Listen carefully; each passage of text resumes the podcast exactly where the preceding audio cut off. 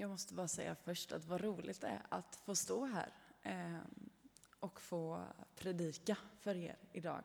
Det känns väldigt, väldigt spännande.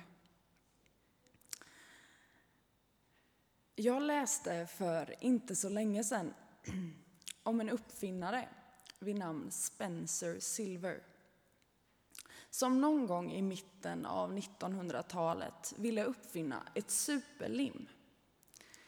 Han jobbade på detta superlim en väldigt lång period och folk var väldigt spända på resultatet. Tyvärr så blev inte resultatet ett superlim, utan det blev något helt annat. Ett lim som gick att ta bort med lätthet. Och det var det ju egentligen ingen som hade efterfrågat. Så Spencer han kände sig nog rätt, ja, men rätt misslyckad efter det där. Att ha lagt ner så mycket tid och så mycket energi på något som ingen till slut ville ha. Det måste ha känts rätt tröttsamt. Men fyra år senare blev hans medarbetare Arthur Fry irriterad över att de papper som han använde som bokmärken i sin anteckningsbok föll ut så fort han öppnade boken. Då kom han ihåg Spencers uppfinning och strök lite utav klistret på pappret. Och resultatet blev perfekt. Och den där uppfinningen kallas idag för post-it-lappar. Det han gjorde var att forma något som tidigare känts som ett misslyckande till något otroligt bra och väldigt, väldigt praktiskt. Eller hur? I texten som Kiki läste innan får vi höra ett samtal mellan Petrus och Jesus. Detta är när Jesus precis har uppstått och när han visat sig för lärjungarna. Och jag tänker att Petrus han måste ha ja, men skämts ganska mycket över att han hade förnekat Jesus tre gånger när Jesus hade det som jobbigast.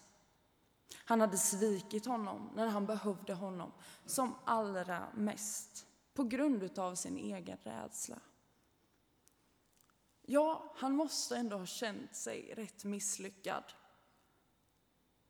Och nu får han träffa Jesus igen. Och det är nog med både glädje och skam i kroppen. Men Jesus, han anklagar inte Petrus. För det är inte så Jesus jobbar. Istället frågar Jesus honom, Petrus, älskar du mig? Tre gånger på olika sätt. Och Petrus han svarar förbryllat alla tre gångerna. Ja, Herre, jag har dig kär. Och efter det så får han uppmaningen om att vara herde till hans får, alltså få leda och bygga upp Guds församling.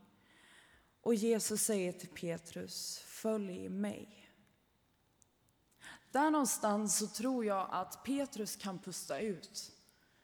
Han får gå från mörker till ljus.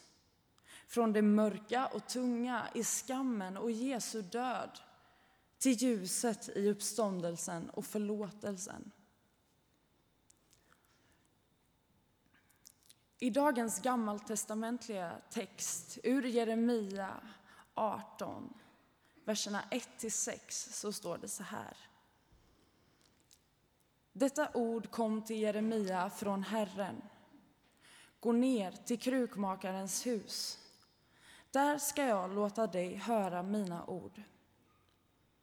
Då gick jag ner till krukmakarens hus och fann honom i arbete vid drejskivan. Ibland misslyckades lerkärlet som krukmakaren formade med sina händer och då gjorde han om det till ett nytt kärl, så som han ville ha det. Herrens ord kom till mig skulle jag inte kunna göra med er, Israels folk, så som denne krukmakare gör, säger Herren. Som leran i krukmakarens händer Så är ni i mina händer, Israels folk.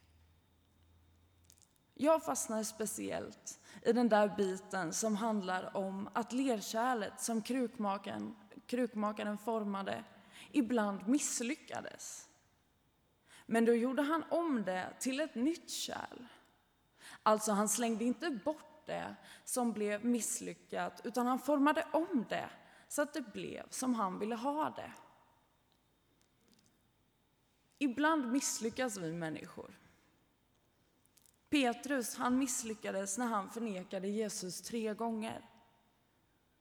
Men Jesus han gör något oerhört smart.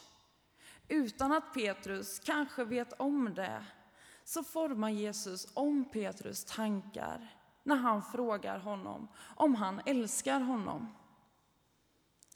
Petrus får möjligheten att lika många gånger som han förnekat Jesus säga att han älskar honom. Jesus ser Petrus misslyckanden som en möjlighet att forma om hans tankar. Precis som krukmakaren ser möjligheten att forma om lerklumpen istället för att slänga bort den. Petrus får själv förstå hur mycket han älskar Jesus och hur det är det enda som egentligen betyder något. Jag tänker att Petrus han formas om från en människa med rätt mycket skam i kroppen till en ledare. Till någon som skulle komma att plantera församlingar och tjäna Gud med hela sitt liv. Jag tror att vi alla vet hur det känns att misslyckas. Hur det känns när något inte blev som man tänkt sig. Men jag tror också att de flesta här inne vet hur det känns när något inte blev som man tänkt sig, men i slutet blev bra ändå. Kanske ännu bättre. Väldigt ofta är Guds planer så mycket större än våra egna. Som det stod i texten ur Jeremia. Skulle jag inte kunna göra med er, Israels folk, så som denne krukmakare gör, säger Herren. Som leran i krukmakarens händer, så är ni i mina händer, Israels folk. Vi människor är kanske inte som ett misslyckat lim som senare kan bli post-it-lappar. Men jag tycker ändå att liknelsen funkar. Arthur Fry formade om Spencers lim till post-it-lappar. Han tog något misslyckat och gjorde det till något ännu bättre än vad som var tänkt från början. Gud han kan forma om oss. Det som vi ser som misslyckanden, det ser han som möjligheter att forma något kanske ännu bättre än vi kunnat tro. Vi är i Guds händer och för honom är ingenting omöjligt. Amen.